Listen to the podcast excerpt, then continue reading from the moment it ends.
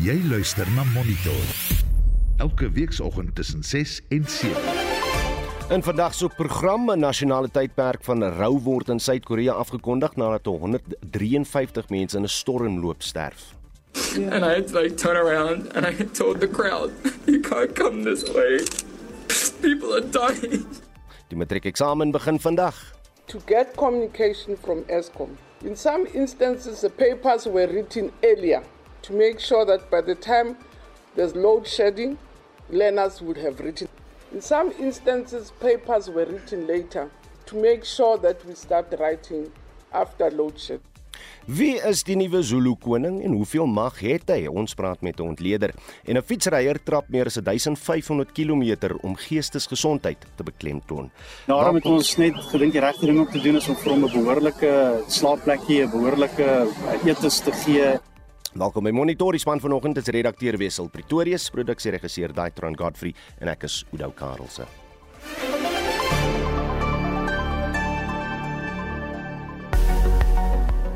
Goeiemôre, ek is Annelien Moses met die reisigers weer soos uitgereik deur die Suid-Afrikaanse Weerdiens. Ons begin met 'n paar waarskuwings. Ewige donderbuie met weerlig en moontlike swaar neerslae wat kan lei tot oorstromings word verwag oor die sentrale dele van Limpopo en die noordelike dele van die Hoëveld in Mpumalanga toestande wat bevorderlik is vir die ontstaan van wegholdveldbrande is te wagte oor die suidelike dele van die Kaapse Metro sowel as die Kamiesberg munisipaliteit in die Noord-Kaap. Dan is daar bibberweer op plekke in die oostelike binneland van die Oos-Kaap. Hier volg jou minimum en maksimum temperature. Pretoria 1528, Johannesburg 1326, Vereniging 1427, Bombela 1722, Polokwane 1324, Mahikeng 1727, Vryburg 1831, Bloemfontein 1230, Kimberley 1330, Appington 1332, Kaapstad 1524, George 1319 Kobega 1319, Oos-London 1420, Durban 1820, Richards Bay 1922 en laastens Pietermaritzburg met 1116. Vir meer inligting besoek die weerdiens se webwerf by www.weathersa.co.za.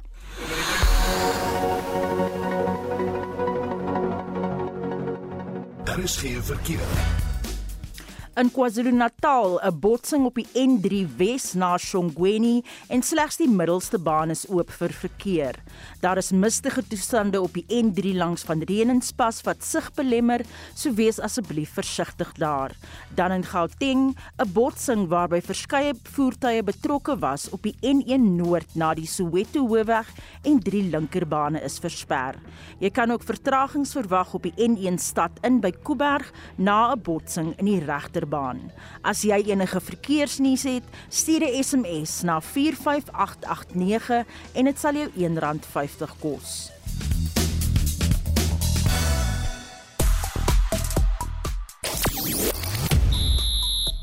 Goeiemôre. Die Proteas neem beheer oor van hulle groep by die T20 Wêreldbeker na dramatiese oorwinning teen die wêreld se beste T20 span. In sokker klim Chiefs bo Pirates op die punteleer na die naweek se Soweto Derby terwyl Arsenal weer eens die boetoon voer in die Engelse Premierliga. En Max Verstappen stel 'n nuwe rekord vir die aantal oorwinnings in 'n enkele Formule 1 seisoen op. Die volledige bulletin volg bietjie later. Dis Christo Gawie vir RSG Sport. Soos wat jy pas gehoor het, Max Verstappen troon uit op Twitter na sy oorwinning in die Meksikaanse Grand Prix. Dis sy 14de oorwinning die seisoen. Wel die prys van diesel styg oor môre met 'n eislike R1.43 per liter wat die gaping tussen die prys van petrol en diesel net verder vergroot. En ons praat nou-nou hieroor met 'n ekonoom. Nou petrol styg met 'n aansienlike kleiner bedrag, dis nou 51 sent per liter. Ons wil by jou weet, indien jy 'n dieselvoertuig oorweeg het, na die hemelhoë dieselprys jou van plan verander, sal jy eerder nou 'n petrol of 'n hibriede voertuig koop. Ben Fourie sê op ons Facebookblad, ek gaan 'n perd aanskaf, dan wy hy in die agter plaas en ek hou sommer die gras ook onder beheer. Stuur vir ons 'n SMS na 4588919 R50 per boodskap of praat saam op die Monitor en Spectrum Facebookblad. Monitor jou oggendnuusprogram op RSG. Dis 15 minute oor 6. Die groothandelprys van diesel styg oormôre met 'n massiewe R1.43 per liter. Dit is te wyte aan 'n hoë olieprys weens 'n hoë vraag na diesel en laer voorraad wêreldwyd en 'n swak rand-dollar wisselkoers. Albei grade petrol styg met 51 sent per liter terwyl die prys van parafin met 77 sent 'n liter styg. Ons praat nou met Dawie Maree, die hoof van bemarking en inligting vir landbou by FNB. Dawie, goeiemôre. Goeiemôre Oudo. Hoe gaan die landboubedryf deur hierdie eislike dieselprysverhoging geraak word? Ja, Oudo, dit is regtig 'n baie groot terugslag vir die sektor op hierdie stadium. Weet ons is nou besig met die plantseisoen vir somergrane. Uh definitief in die oostelike gedeelte van die land en natuurlik die westelike gedeelte begin hier in in oor die volgende week of twee gaan hulle begin plant. Hmm. So hierdie hierdie stygings is 'n direkte impak uh op ons landbouers uh se se produksiekoste. En natuurlik op die ou end op hulle winsgewendheid. Natuurlik en boonop word die meeste goedere met dieselvragmotors gekarwei. Wat sal die gevolg van uh, of, of vir die verbruiker wees? Ja, uit die aard van die saak van ons 'n baie negatiewe impak op die verbruiker ook hê. Uh weet jy nou genoem het uh die meeste van die goed en as ons gaan kyk net na ons trane word 80% word per pad vervoer. Ehm um, en uit die aard van die saak word dit van van produksiegebied na vervaardiging en dan terug na die kleinhandel. Dit so daar twee komponente van voer wat ingesluit word. So ons kan verwag dat daar opwaartse druk op voedselpryse ook in die volgende paar maande gaan wees. Die parafienprys styg ook met 77 sent 'n liter. Hoeveel Suid-Afrikaners gebruik nog parafien? Oor dit daar's nog nog heelwat, uh veral in ons informele uh, gebiede en natuurlik ook in die landelike gebiede wat afhanklik is van parafin uh weet om kos te maak. Uh so daar is nog heelwat mense wat dit gebruik en uit die saak het 'n stygings daarin en dit is gewoonlik die die die armste van die armstes wat wat eers geraak word daardeur uh deur daardie stygings. Dawie, hoe voorsien jy gaan brandstofpryse, dieselpryse oor die volgende paar maande lyk en watter faktore kyk julle na? Wel, ek dink uh, weet ons kan verwag dat dit baie wisselvallig gaan wees. Uh weet ons ons is nog nou besig om in te beweeg in die in die in die noordelike halfrond se winter. So tradisioneel is daar opwaartse druk op vraag en pryse. En nou natuurlik met die konflik tussen die Oekraïne en Rusland en en energiebekommernisse in die noordelike halfrond, dink ek van daar nog vir 'n tyd lank uh weet druk wees op op oliepryse. Hmm. Die wisselkoers natuurlik baie afhanklik van wat internasionaal ook gebeur omdat ons so oop ekonomie is. Uh en dan nou ook die plaaslike faktore wat wat dit so effens 'n rol speel daarin. So baie wisselvalligheid in die wisselkoers wat natuurlik 'n 'n 'n 'n voorspelling op die petrolpryse of die brandstofpryse uh, baie moeilik maak. En so persoonlike vlak, ons vra aan ons luisteraars vanoggend of hulle nou 'n uh, petrol voertuig sal oorweeg gegee word die, die hoë prys van diesel. Gooi jy petrol of diesel in Dawie? Uh nou ek gooi beide in. So ek het so een van albei. En en as jy raad moet gee aan die luisteraars, wat sal jy vir hulle sê? Nou ek dink dit van dit van 'n 'n 'n of 'n berekening kos uh om te kyk oor die langer termyn wat die effek gaan wees. Uh weet die onderhoud natuurlik op op diesel uh, uh teenoor petrol en natuurlik ook die verbruik daarvan. Uh so so dit is dit is sommer mense moet gaan maak, maar ek dink op hierdie stadium klop 'n petrolvoertuig uh, daardie kom. Ah, sê Dawie Marie baie dankie vir jou tyd hier op Monitor. Hy is die hoof van bemarking en inligting vir landbou by FNB. Die matriek eindeksamen begin vandag. Byna 'n miljoen leerders skryf vanjaar hulle matriek eindeksamen te midde van voortdurende beerdkrag. Ons praat met die uitvoerende hoof van die Federasie van Beheerliggame van Suid-Afrikaanse skole, Dr. Jaco Deeken. Jaco, goeiemôre. Môre dink. Hoe ervaar julle eksamens van jaar in vergelyking met uh die wat tydens die COVID-19 pandemie geskryf is?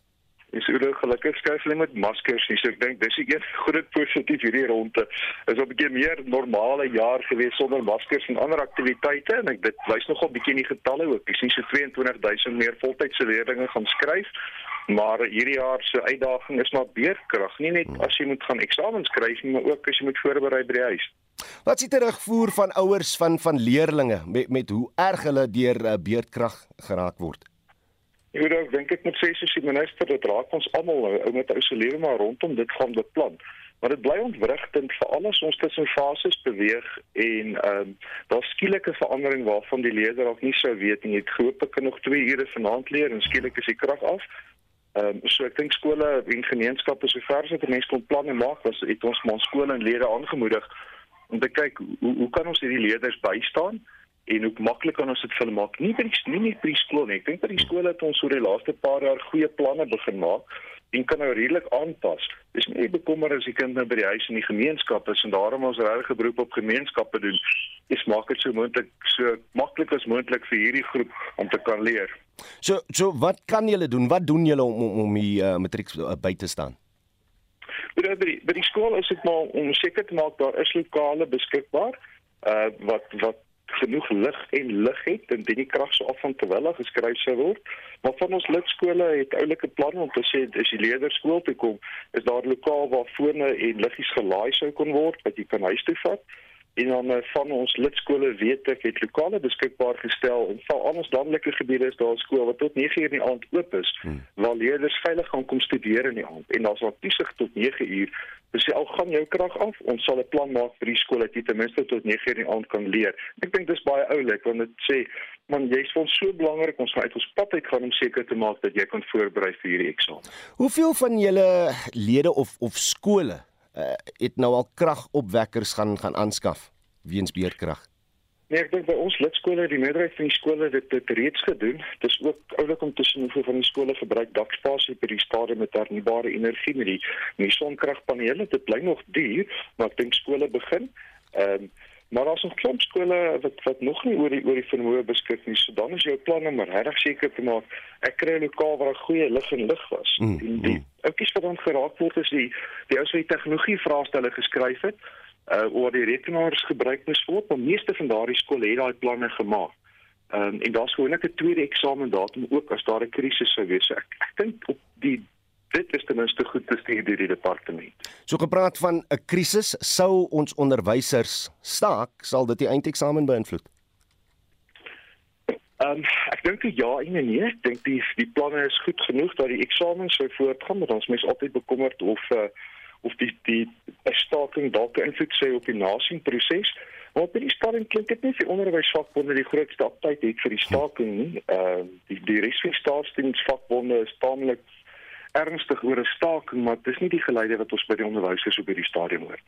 Reg, met watter vak uh, skop ons vandag af en ek is seker jy sal vir die matriek in Suid-Afrika uh, uh, jou beste wense wil stuur. Ja, verseker jy, hulle begin met Engels. So dis die grootste groep kinders wat 'n vraestel van skryf van Engels. Engels weet. So vir baie tyd all the best for today. Ah, Wat het regtig weer baie baie goed gaan. Dr. Jaco Deeken baie dankie vir jou tyd. Hy sê hy het voerende hoof van FETSAS. Die Zulu koning Misi Zulu KwaZulu-Natal het eergister in die Moses Mabhida Stadion in Durban 'n amptelike sertifikaat van eh, president Ramaphosa ontvang as erkenning dat hy die koning is van die Zulu nasie. Die monarg het erken dat daar uitdagings is in die koninklike familie wat onstabiliteit veroorsaak. Hy glo egter dit kan reggestel word. Ons praat nou met skrywer, joernalis en uh, politieke kommentator Jan Jan Jubber. Jan Jan, goeiemôre. Baba kuye kanjani hayi ngicela sleep nee, rus gaan lekker hier so in die parel hoe gaan dit met jou oudo nee kan nie klaar nie kan nie klaar nie. Ja Jan Jan sê my onenigheid in die Zulu monargie is niks niets nie. Shaka se broer uh, Sugujana was die aangewese troonopvolger maar Shaka het koning geword. Dingane Shaka se sluipmoord teweeggebring.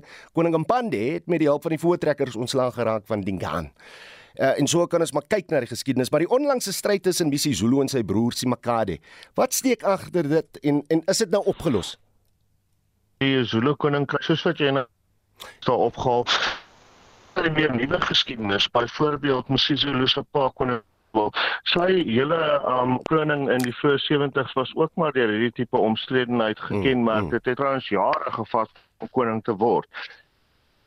Um, wat ge Jan Jan, ek sê jou wat, die lyn tussen twee van ons is aaklig en gaan jou op 'n beter lyn probeer kry en dan bring ons jou terug vir 'n interessante geselsie oor uh, die Zulu uh, nasie, nie uh, monarg en en Eh, die stryd tussen die twee broers en en wat dit teweeg sal bring in die toekoms vir die nuwe koning van die Zulus. In die tussentyd uh, kom ons gaan hier die uh, kabinet het onlangs die nasionale implementeringsraamwerk goedgekeur. Die raamwerk vir die professionalisering van die staatsdiens is hoofsaaklik op vyf pilare gegrond en sluit die aanstelling van staatsdiensamptenare in. Dit het ten doel om die staatsdiens meer doeltreffend te maak. Esther de Klerk doen verslag. Die DA sê die raamwerk omarm die DA se beleidsstandpunt dat kaderontplooiing afgeskaf moet word. Die DA se skademinister vir staatsdiens en administrasie, Leon Schreiber, sê die beleid sê dat kaderontplooiing afgeskaf en vervang moet word op grond van aanstellings op meriete. Die dokument lei verder dat die openbare druk wat die DA gegenereer het teen kaderontplooiing gelei het tot sinisme oor aanstellingsprosedures in die staat en maak ook die besondere toegewing dat die DA se hof aansoek waar ons aanvoer dat kaderontplooiing ongrondwettig is omdat die reg op gelykheid skend waarskynlik korrek is. Schreiber sê dit is vir die DA 'n geskiedkundige deurbraak. Ons het hierdie veldtog oor die afgelope 3 jaar aansienlik verskerp waar tydens ons notules van die ANC se nasionale kaderontplooiingskomitee aan die publiek ontbloot het, die Zondo-kommissie gehelp het en die Zondo-kommissie wat ook bevind het dat kaderontplooiing inderdaad ongrondwettig is. Die implikasie hiervan is dat regeringsbeleid nou aanvoer dat kaderontplooiing gestop moet word. Terselfdertyd is dieselfde regering gelei deur president Cyril Ramaphosa besig om die DA se hofsaak waar ons kaderontplooiing as ongrondwettig wil bevestig, steeds besig om dit teen te staan. Dit is verregaande en teenstrydig vir die president om die amptelike nuwe beleid van sy eie regering in die hof teen te staan. Daarom skryf die DA vandag aan president Cyril Ramaphosa om hom te versoek om sy oppositie teen ons hofsaak terug te trek. Indien die DA suksesvol is in sy hofsaak, sal dit die ANC kan dwing om ook kaderontplooiing in die regerende party te staak. Professor Erwin Schwella, die dekaan vir sosiale innovasie aan die Huguenot College, sê dit lyk tog of daar groter erns is op die vlakke van plaaslike en provinsiale regering om professionaliteit in die staatsdiens te bevorder, maar die beleid word nie altyd geïmplementeer nie. Die wetgewing is op een of ander wyse belyn met beter praktyke as wat ons in die verlede gehad het ten opsigte van aanstellings, die oorsig, die skeiding tussen administrasie en politiek, die benadering dat uh, munisipale en ander amptenare nie meer politieke posisies mag beklee nie. Daar mag waarskynlik nog steeds subtiele pogings wees op 'n agtergrondbasis, maar daar is definitief verbeterings wat gevoer kan word. Die gevolgebestuur is ook belangrik want daar is nou in die wetgewing vervat en in die beleide mettertyd dat daar gevolge moet wees vir optrede en dit bring dan in die spel dinamika van politieke oorsig sonder dat daar noodwendig politieke inmenging kan wees. Professor Erwin Schwella van die Huguenot College en dit was Estie de Klerk wat uh, daai bydra saamgestel het. Wat voorlê vir die res van die program? Ek sê jou wat, ons gaan kyk na die nuwe president in Brasilië, is eintlik 'n voormalige president nou wat nou weer president geword het. En die uh, Verenigde Nasies het 'n groot uitspraak gemaak deur 'n verslag oor uh, die konflik in uh, Palestynë tussen die Palestynë en Israel, maar 'n bietjie meer hieroor later. Dan vra ons jou vanoggend nog ook of uh, jy weens die hoë dieselprys nou oorweeg om 'n petrolmotor te koop of 'n hibriede motor te koop want as jy nog nie weet nie oormôre styg die prys van diesel met 'n eislike R1.43 per liter wat dan die gaping tussen die prys van petrol en diesel net verder vergroot. Wat sê jy? Laat weet ons op uh, die SMS lyn en jy kan vir ons SMS stuur na 45889 teen R1.50 per boodskap of jy kan ook saampraat op die Monitor en Spectrum Facebook bladsy. Jy luister na Monitor elke weekoggend tussen 6 en 7. 629 en in die hoofnuus gebeure. Matrikulante in staatskole begin vandag met hul eindeksamen. Lendiwe Sisulu sê 'n nuwe departement moet uh, toesien dat infrastruktuur onderhou word en die dodetal styg steeds nadat 'n brug in Indië ineenstort. Bly ingeskakel.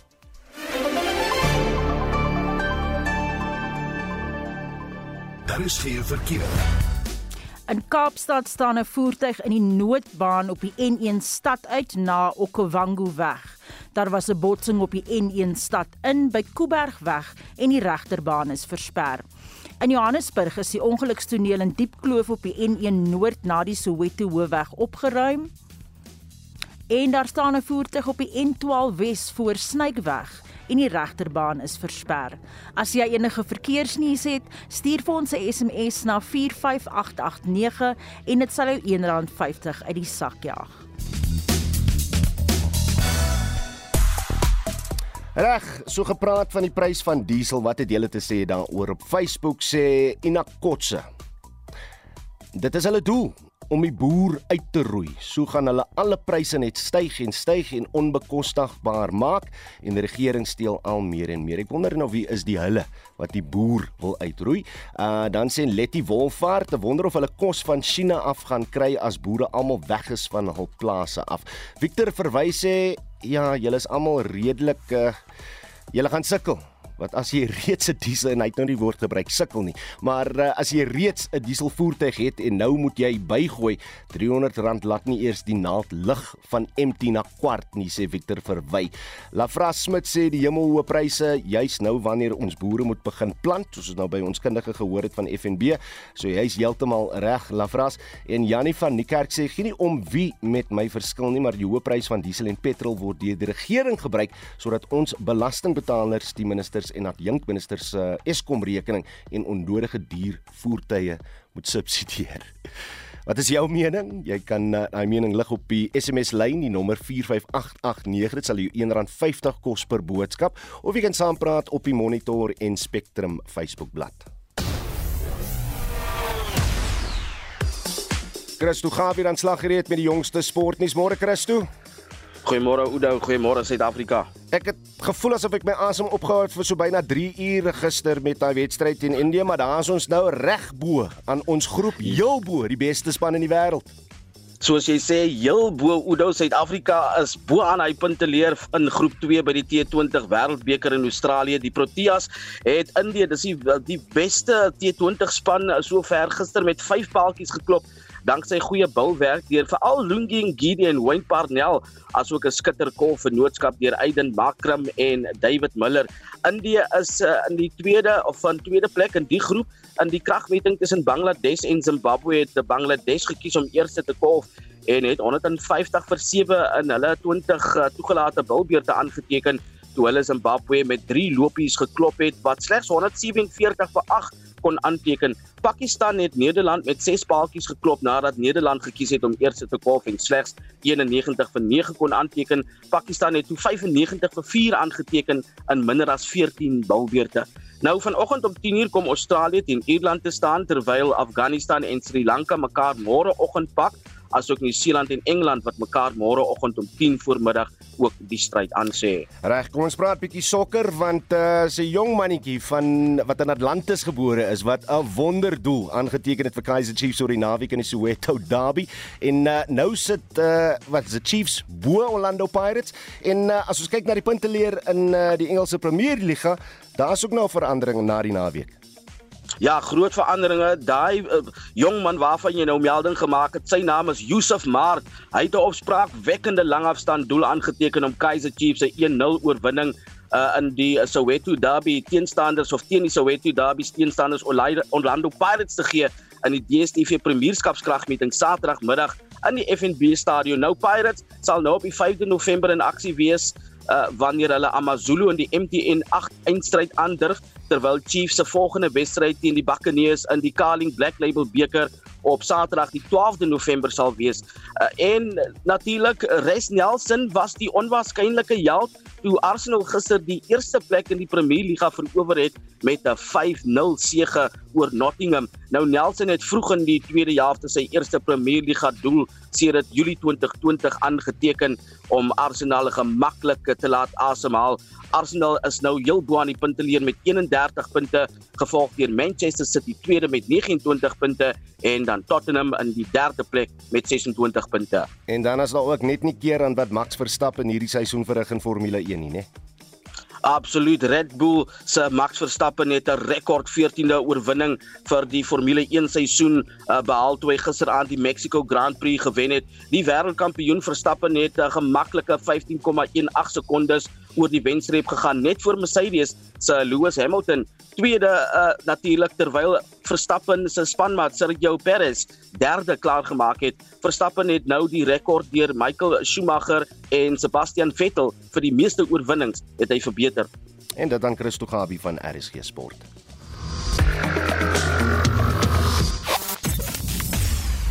Monitor jou oggendnuusprogram op RSG. 24 minute voor 7. 'n Onafhanklike komitee van die Verenigde Nasies sê daar is redelike gronde om tot die slotsom te kom dat die Israeliese besetting van Palestynse grondgebied ingevolge internasionale reg onwettig is. Dit is weens die permanente aard van die besetting asook die Israeliese regering se besluit van uh, anneksasie. Die eerste van verskeie verslae van die kommissie onder leiding van die Suid-Afrikaanse jurist Navi Pillay handel oor die menseregte implikasies vir die Palestynë en die regsgevolge van die anneksasies. Israel se ambassadeur by die VN het teruggekap en die kommissie as onregmatig beskryf en sy kommissarisse as antisemities. Pillay sê op 'n volgende Israeliese regerings het deur hulle beleid van nedersettings op Palestynse grondgebied permanente beheer van die Wes-Oewer gekry en dat dit dalk op 'n internasionale misdaad neerkom. So, as such, we, the Commission, conclude that the Israeli occupation of Palestinian territory is unlawful under international law due to its permanence and due to the Israeli government's de facto and de jure annexation policies.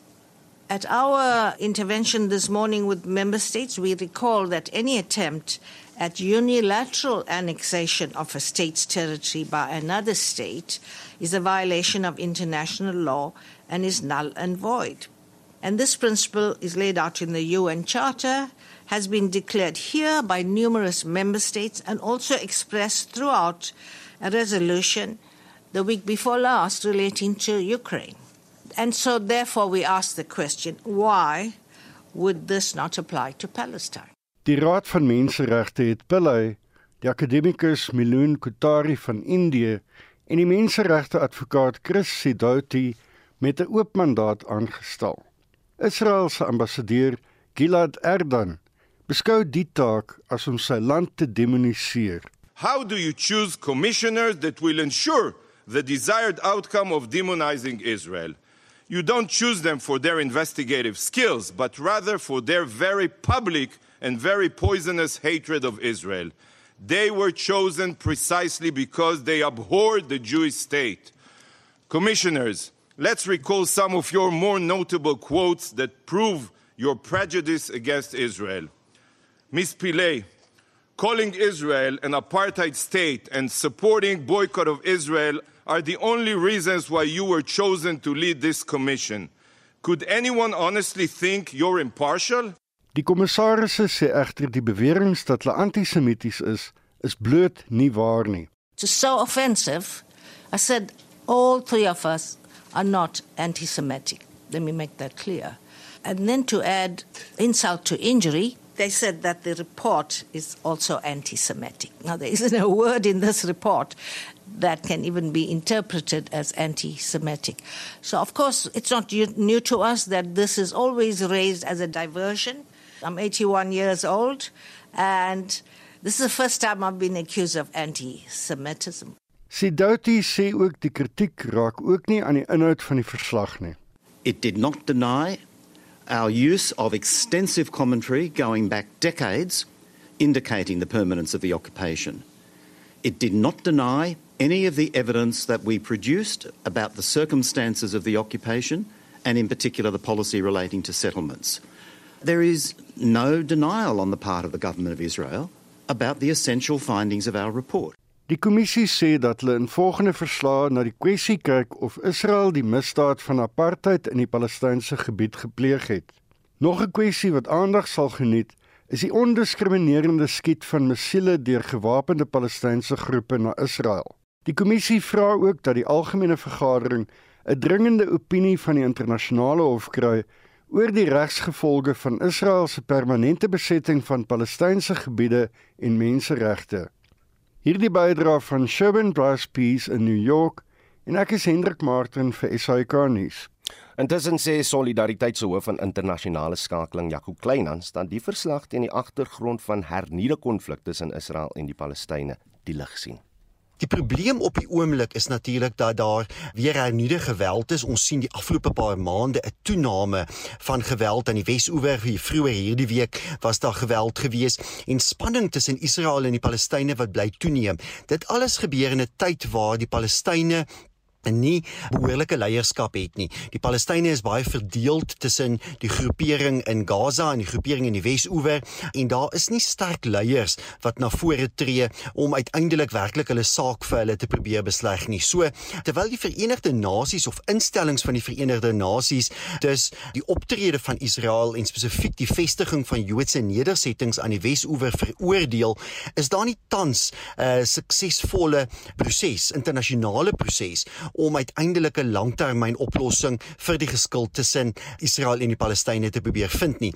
Israel se argument is eenvoudig dat hulle die reg het om hulle self te verdedig, dat hulle presies dit doen en dat dit een van die redes is waarom hulle in die Wes-oewer teenwoordig is. Maar ja, die groot vraag uiteindelik gaan wees, wat is die langtermyn oplossing vir hierdie geskil? Watter oplossing kan gevind word waardeur 'n mens kan verseker dat beide Israel en die Palestynë veilig in hierdie gebied gebied kan woon. En dit is 'n vraagstuk wat eintlik lanklaas behoorlik deur internasionale organisasies beantwoord is. Stem daarvan Jaco Kleinhand Solidariteit se hoof van internasionale skakeling. Kom ons keer terug na die groot storie van die naweek en die Zulu koning Misi Zulu KwaZulu-Natal het eergister in die Moses Mabhida stadion in stadion in Durban amptelike sertifikaat van president Ramaphosa ontvang as erkenning dat hy die koning is van die Zulu nasie. Die monarg het erken dat daar uitdagings is in die koninklike familie wat onstabiliteit veroorsaak. Hy glo egter dat dit reggestel kan word. Ons praat nou weer eens met die skrywer, uh, joernalis en politieke kommentator Jan Jan Joubert. Jan Jan, hopelik is jy op 'n beter lyn uh saam met ons nou. Goeiemôre, hoe ja, ons sal die groep afstaan dan los. Uh sy heel wat beter maar is wel bietjie krakrag reg. Ons het begin met die die kwessie van die oneenigheid binne die familie en ek het jou gevra wat steek agter uh die stryd tussen Simakade en Misizulu en met wat nou die naweek agter die rug is, is dit nou opgelos? Dit is nie opgelos nie en die probleem daar is nie net persoonlikheidsprobleem nie. Daar's natuurlik 'n ense groot inkomste betrokke. Um, die bedrag wat aan die Zulu koningshuis um bestem word in belasting betaal is baie groot en wie ook al koning is, die kry natuurlik 'n nuwe aandeel daarvan. Hmm. Maar die groot probleem by die wet is dat die kodifisering van die Zulu wetgewing is gedoen deur Sofia Phyllis Chepstein, die voormalige gouverneur van Natal. Hmm. En nie die kodifisering gedoen vir die opvolging van koning nie. Um ek het daaroor gepraat met professor Jabulani Mapalala, die voorste Zulu historikus, en hy het gesê dis waar Shakes van hulle die keer in steek gelaat het. Hy het alles alles gekodifiseer soos dit moet wees, maar nie opvolging kwessie nie. Hmm. Toe die toe die Britte beheer was van Zululand soos jy nou gesê het, was dit hulle wat die bekroning van 'n monarg bekragtig het. Dieselfde het gegeld onder apartheid. Koning Goodwill Zwelithini se paas geïnstalleer as monarg danksy 'n spesiale spesiale kommissie wat deur die regering op die been gebring is. En en is interessant dat daar nou onder ons demokratiese bedeling gebruik gemaak is van ons howe om sekere kwessies te besleg tussen Simakade en Misizulu. Maar Jan Jan kan mens egter die argument aanvoer dat uh, die wil van die premier, Prins Buthelezi uiteindelik geskied het. Ek dink Prins Buthelezi het op die rypouder van 94 se grootste grootste plig en um en van die nasie gegee soos van daardie tradisionele eerste ministers aan van hom vereis. Toe hierdie hele ding gebeur met koning Goodwill wat oorlede is, was daar geweldige onmin en ontevredenheid in die Zulu koningshuis. En die regering van KwaZulu-Natal tans onder ANC bewind het net nooit niks gedoen om dit te oplos nie. En Buthelezi het na vore getree met daai rype ouderdom werklik waar die leiding verskaf en nou as mense wonder vir die land hoekom is dit nou belangrik mm. dat die Zulu mense vreedsaam 'n nuwe leier kry. Dink aan wat in KwaZulu-Natal gebeur het in Julie verlede jaar. Ja. En dit was Buthelezi wat wat die hand opgesteek het en die leiding geneem het. 'n Ware leier, 'n ware staatsman, iemand wat geëer moet word. So Jan Jan, die die rol van die premier kan nie geonderskat word nie. Nou wonder ek tog, jy het gesê 94 jaar oud is prins Gacha Buthelezi. Het het hy 'n opvolger? Um, dis reg nie heeltemal so nie. Um die eerste die die tradisionele minister was net al die premier wat demokraties verkies is. Maar um, wat die tradisionele eerste minister van die Zulus betref, dit word aangewys maar is 'n posisie vir 'n leeftyd. Onthou dit is 'n monarchistiese stelsel. So hy kom parallel tot die politieke stelsel, die demokratiese politieke stelsel. KwaZulu-Natal volgens die provinsiale grondwet, um KwaZulu-Natal en die Weskaap is die enigste twee provinsies wat elkeen 'n provinsiale grondwet het, is konstitusionele monargie. Dis hoekom dit heeltemal korrek was dat dit die hoofregter was um, van die land wat die um sertifikaat wat die eendag gedoen het gister um, in die wat eergister en ek dink dat dit wys dat die Zulu koningshuis homself gemoderniseer het hmm. om aan te pas by ons konstitusionele monargie. Wat is die kwessie daarvan besteek uh, die kom wat nou oorgaan van Dr. Buthelezi se kinders nie. Ehm um, dit vir ons van Dr. Buthelezi. Ehm um, dit gaan oor na wie ook al die nuwe koning dan sou aanwys as die eerste minister, maar dit sal eers gebeur as Dr. Buthelezi oorlede het.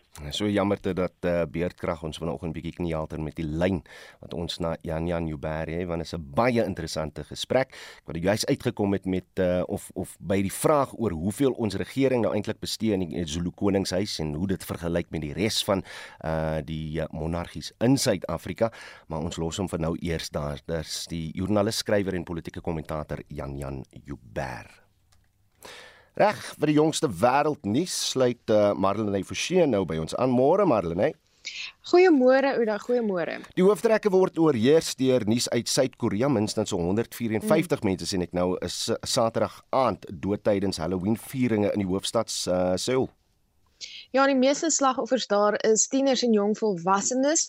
Hulle is doodgedruk toe te veel feesgangers in 'n nou straatjie saamgedrom het. Hier is van die oorlewendes se ervarings. no way you can breathe. Everyone lifting up and that's what they're doing, like taking like their last breath and things. So kind of suffocating. I couldn't sleep. I see people dying in front of me. One guy, he knew that his friend is died. He's still giving CPR for, for the next 30 minutes. His friend is trying to stop him, but he's still resisting. He's still doing it. I was pushed from behind. I got scared and tried to move to the side, but I couldn't.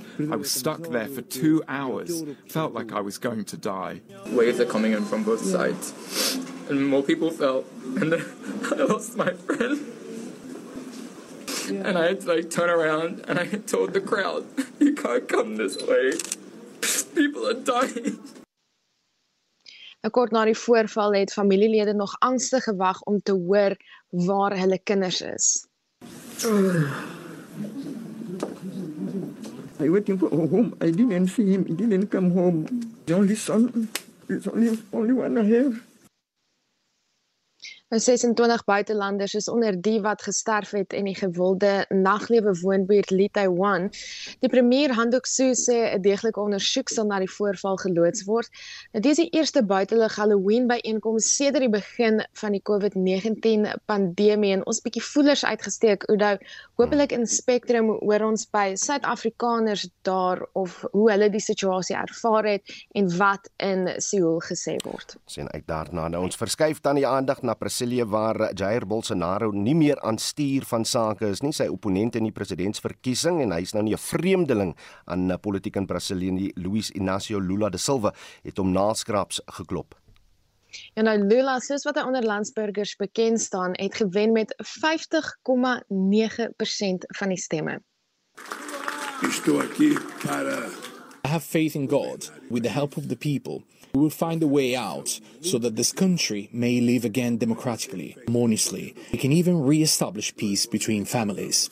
Hoje, nós estamos dizendo ao mundo Today, we are telling the world that Brazil is back, that Brazil is too big to be relegated to the set role of pariah of the world. Nou kon nie deelneem aan die 2018 verkiesing nie omdat hy in aanhouding was op aanklagte van korrupsie. Hy was skuldig bevind op aanklagte daarvan dat hy omkoopgeld aanvaar het van 'n konstruksiemaatskappy in ruil vir kontrakte met die staat se oliemaatskappy Petrobras. Nou, hy was 580 dae in aanhouding en toe is die hofuitspraak teen hom tot niet verklaar. Sy grootste uitdaging nou is om 'n gepolariseerde land te herenig en die BBC korrespondent daar op die grond is Katie Watson. Whether you like him or loathe him, the fact that Lula has come back to be president 20 years after he first became leader is a historic moment for people here in Brazil. He'll have his work cut out for him because this is a very different Brazil. It's a very divided Brazil. Bolsonaro may no longer be president, but he'll have his legacy in Congress with conservative lawmakers making Lula's job very difficult achieving everything he wants to do. Nou alle oë is op hom gerig want in sy oorwinningstoespraak het hy onder meer beloof om die ontbossing van die Amazone reënwoud in die kem te smoor. Nou hier's wat 'n ekoloog aan die Universiteit van Brasilia, Dr. Mercedes Bustamante, hier te sê het. This first speech was quite important. He committed to get zero deforestation, to curb illegal activities in the Amazon region, and also to protect the rights of indigenous peoples and traditional communities. These are quite huge challenges, especially because now we have a parliament that is much more conservative that that was that was when Lula was president before. En dit was 'n ekoloog aan die Universiteit van Brasilia, Dr. Mercedes Bustamante. En dan na Afrika waar 100 mense in Mogadishu, Somalië dood is tydens 'n terreuraanval. Ja, dit was nou oor die afgelope naweek volgens president Hassan Sheikh Mohammed dan die aanval toegeskryf word aan die militante groep Al-Shabaab. Nou twee voertuigbomme het by 'n besige kruising ontplof en volgens die nuusagentskap Agence France Presse het ma's met hulle kinders in hulle arms gesterf. Mohammed het verder gevra vir internasionale bystand om die 300 beseerders daar te help versorg. Hy is nou maar 5 maande lank aan stuur van sake en hy het oorlog verklaar teen Al-Shabaab na aanval op 'n hotel vanjaar in Augustus toe 21 mense dood is. Marlene Forsie daar met die jongste wêreldnuus. Oktober was geestesgesondheid bewusmakingsmaand. 'n 40-jarige man het die 1566 km van Kaapstad na Bella Bella in Limpopo binne 8 dae met sy fiets afgelê. Boetjie Monareng het dit uh, onder moeilike omstandighede ten bate van geestesgesondheid gedoen. Mitsi van der Merwe het meer besonderhede. 'n Inwoner van Bella Bella, Boetjie Monareng, het die 1566 km van Kaapstad tot by sy huis binne 8 dae per fiets afgelê. Die N1 het byna onmoontlike uitdagings gebied terwyl hy soms sonder ordentlike kos, energiedrankies en water moes trap. Monareng het self geestesgesondheidsprobleme beleef. Hy glo hy's 'n bron van inspirasie vir mense in soortgelyke toestande. Orkiren twee na ke boni kona ke tsena eh, sekolo ko teng. I went to a special school and I know the struggle with mental health problems. I did this to raise funds and help with awareness because many people just don't take it seriously. Monareng het 'n spesiale skool bygewoon en ken die stryd teen geestesongesteldheid. Samathomo ke reitse more than eh, 300 kilos and they won. The first day I did 300 kilometers. I did not even know where I was going to sleep. I did not have food. I only had some brown bread and some vitamin tablets. Sometimes I had to cycle for 12 hours without stopping. Lady Energy Gate and so other company to. Maar 'n goeie Samaritaan het Monareng ondersteun nadat hy besef het dat die trapper hulp benodig. Die sakeman is Charles Meiburg adventure van Kaapstad af na Bella Bella en agtergekom het dat hierdie man het geen backup nie. Hy het geen behoorlike akkommodasie, behoorlike etes nie. Kon ons nie net stil sit en dit maar net aanvaar nie. So as 'n maatskappy en 'n paar van ons werknemers het vrywilliglik ingespring en gesê ons moet ietsie doen. Ons moet seker maak hy kom veilig by die huis. En daarom het ons net gedink die regte ding om te doen is om vir hom 'n behoorlike slaapplekjie, 'n behoorlike etes te gee. Monareng sê hy wil nog sy fiets van Kaapstad tot Kaïro in Egipte trap. Justice Chipalana het hierdie verslag saamgestel. Mitsi van der Merwe, SAK nuus. Die kat se lyf is soos wortel en tak, gesnoei en vermak. Maar die siel is oer soos die eerste klip. Dinsdag aand om 20 oor 9 kan jy inskakel vir die tweede aflewering in Vers en Klank se reeks oor troeteldiere. Ons luister na gedigte deur onder meer Jean Gosen, Stefan Bouwer, Marlies Joubert en Daniel Hugo. Die voorleser is Susan Beyers. Dis Vers en Klank saam met my Sofia, Dinsdag aand om 20 oor 9. Veranderende wêreld word ouers en inderdaad die groter samelewing gekonfronteer met nuwe uitdagings wanneer dit kom by kinders grootmaak. Hoe berei ons hulle voor vir die lewe? Hoe leer ons hulle? Hoe kommunikeer ons met hulle? Hoe ontdek ons saam 'n nuwe manier van dinge doen binne hulle leefwêreld? Kom op 'n ontdekkingsreis met my, Anthea Fredericks, en leer saam met kenners en ouers hoe om ons kinders se groeipenne te hanteer en te bestuur. Groeipenne elke donderdag tussen 11:30 en 12:00 net hier op RSG. Daar is geen verkeer. In Pretoria staan 'n voertuig op die N1 suid na die Brakfontein wisselaar en die noodbaan is versper.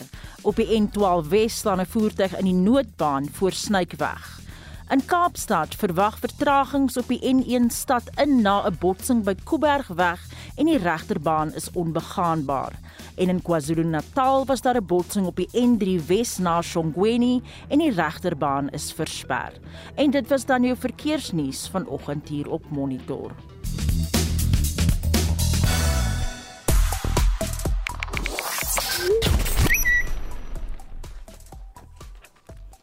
Die Proteas het ook aanhangers gelukkig gemaak nadat hulle gister met Indië afgereken het in die T20 uh, Wêreldbeker toernooi. Die hitsmerk daar op Twitter is SA versus India. Reg, die prys van diesel styg oor môre met 'n eislike R1.43 per liter wat die gaping tussen die prys van petrol en diesel net verder vergroot. Vanoggend wil ons by jou weet met die hemelhoë dieselprys. Het jy bietjie jou planne verander? Sal jy nou eerder 'n petrol of 'n hibriede voertuig wil koop? Wat is jou mening hieroor? Wel op die SMS lyn sê uh ja, anoniem. Diesel en alle sondebelasting is die mooi kant van die ANC kader ontplooiing solank die publiek hoes, solank kan die regime, soos hulle daar sê, in bewind bly. En dan sê Dirk van Nylstroom, hy vra, as ek so terugdink, het die apartheidsregering diesel vir landbou gesubsidieer. Dit was ook 'n ander kleur gewees en as ek reg kan onthou, uh is dit die geval. Dit was gedoen om kospryse laag te hou. Kan enigiemand dit vir ons bevestig asseblief? Sal baie interessant wees om te hoor of dit wel die geval was veral met die ander kleur diesel. Uh dan op die uh Facebook bladsy Rex Bester, verskillende faktore beïnvloed petrol en dieselpryse. Dit het al gebeur dat diesel se prys laer gedaal het as die van petrol. Die sikluswissel. Bepalende faktore ten opsigte van keuse tussen petrol teen diesel voertuig. Dit moet ons nou goed na kyk. Dani Lou sê ons gewone ouens kan nou nie eers 'n tweedehandse voertuig koop nie. Wat nog 'n nuwe motor sal ons huidige motor maar moet verkoop vir kosgeld. Is dit regtig so ernstig uh, Dani? Maar dankie vir die boodskap. Lorraine Henning sê waarom is die prys van diesel so hoog? Dank moeswilligheid om die boere se kele af te sny. En dan uh, verder op die Facebook bladsy Inakotse, dit raak nou belaglik. Iewers sal iets moet gebeur terwyl dan Oberhol se ook sê sal maar alternatiewe moet soek uh, ten opsigte van vervoer en is daar so 'n mooi prentjie van 'n man met 'n lang baard op 'n fiets. Hoeveel van ons gaan nog met 'n 'n fiets werk toe? Daar word na vinger gewys na ons redakteur Wessel Pretorius vanoggend. Baie interessant. Onthou vorige uitsendings van Monitor Spectrum Brandpunt naweek aktueel en kommentaar is op die RSG webblad as 'n potgooi beskikbaar. Gaan net na www.rsg.co.za. Dan groet ons namens ons uitvoerende regisseur Nicoline de Wee, ons redakteur vanoggend is eh, Wessel Pretorius, ons produksieregisseur is Daitron Godfrey en ek is Oudo Karel. Se op en wakker is volgende geniet die dag in die geselskap van uh, RSG en stuur nog van hy boodskappe, kan ons van jou hoor. Uh julle terugvoer hoor op Spectrum vandag. Totsiens.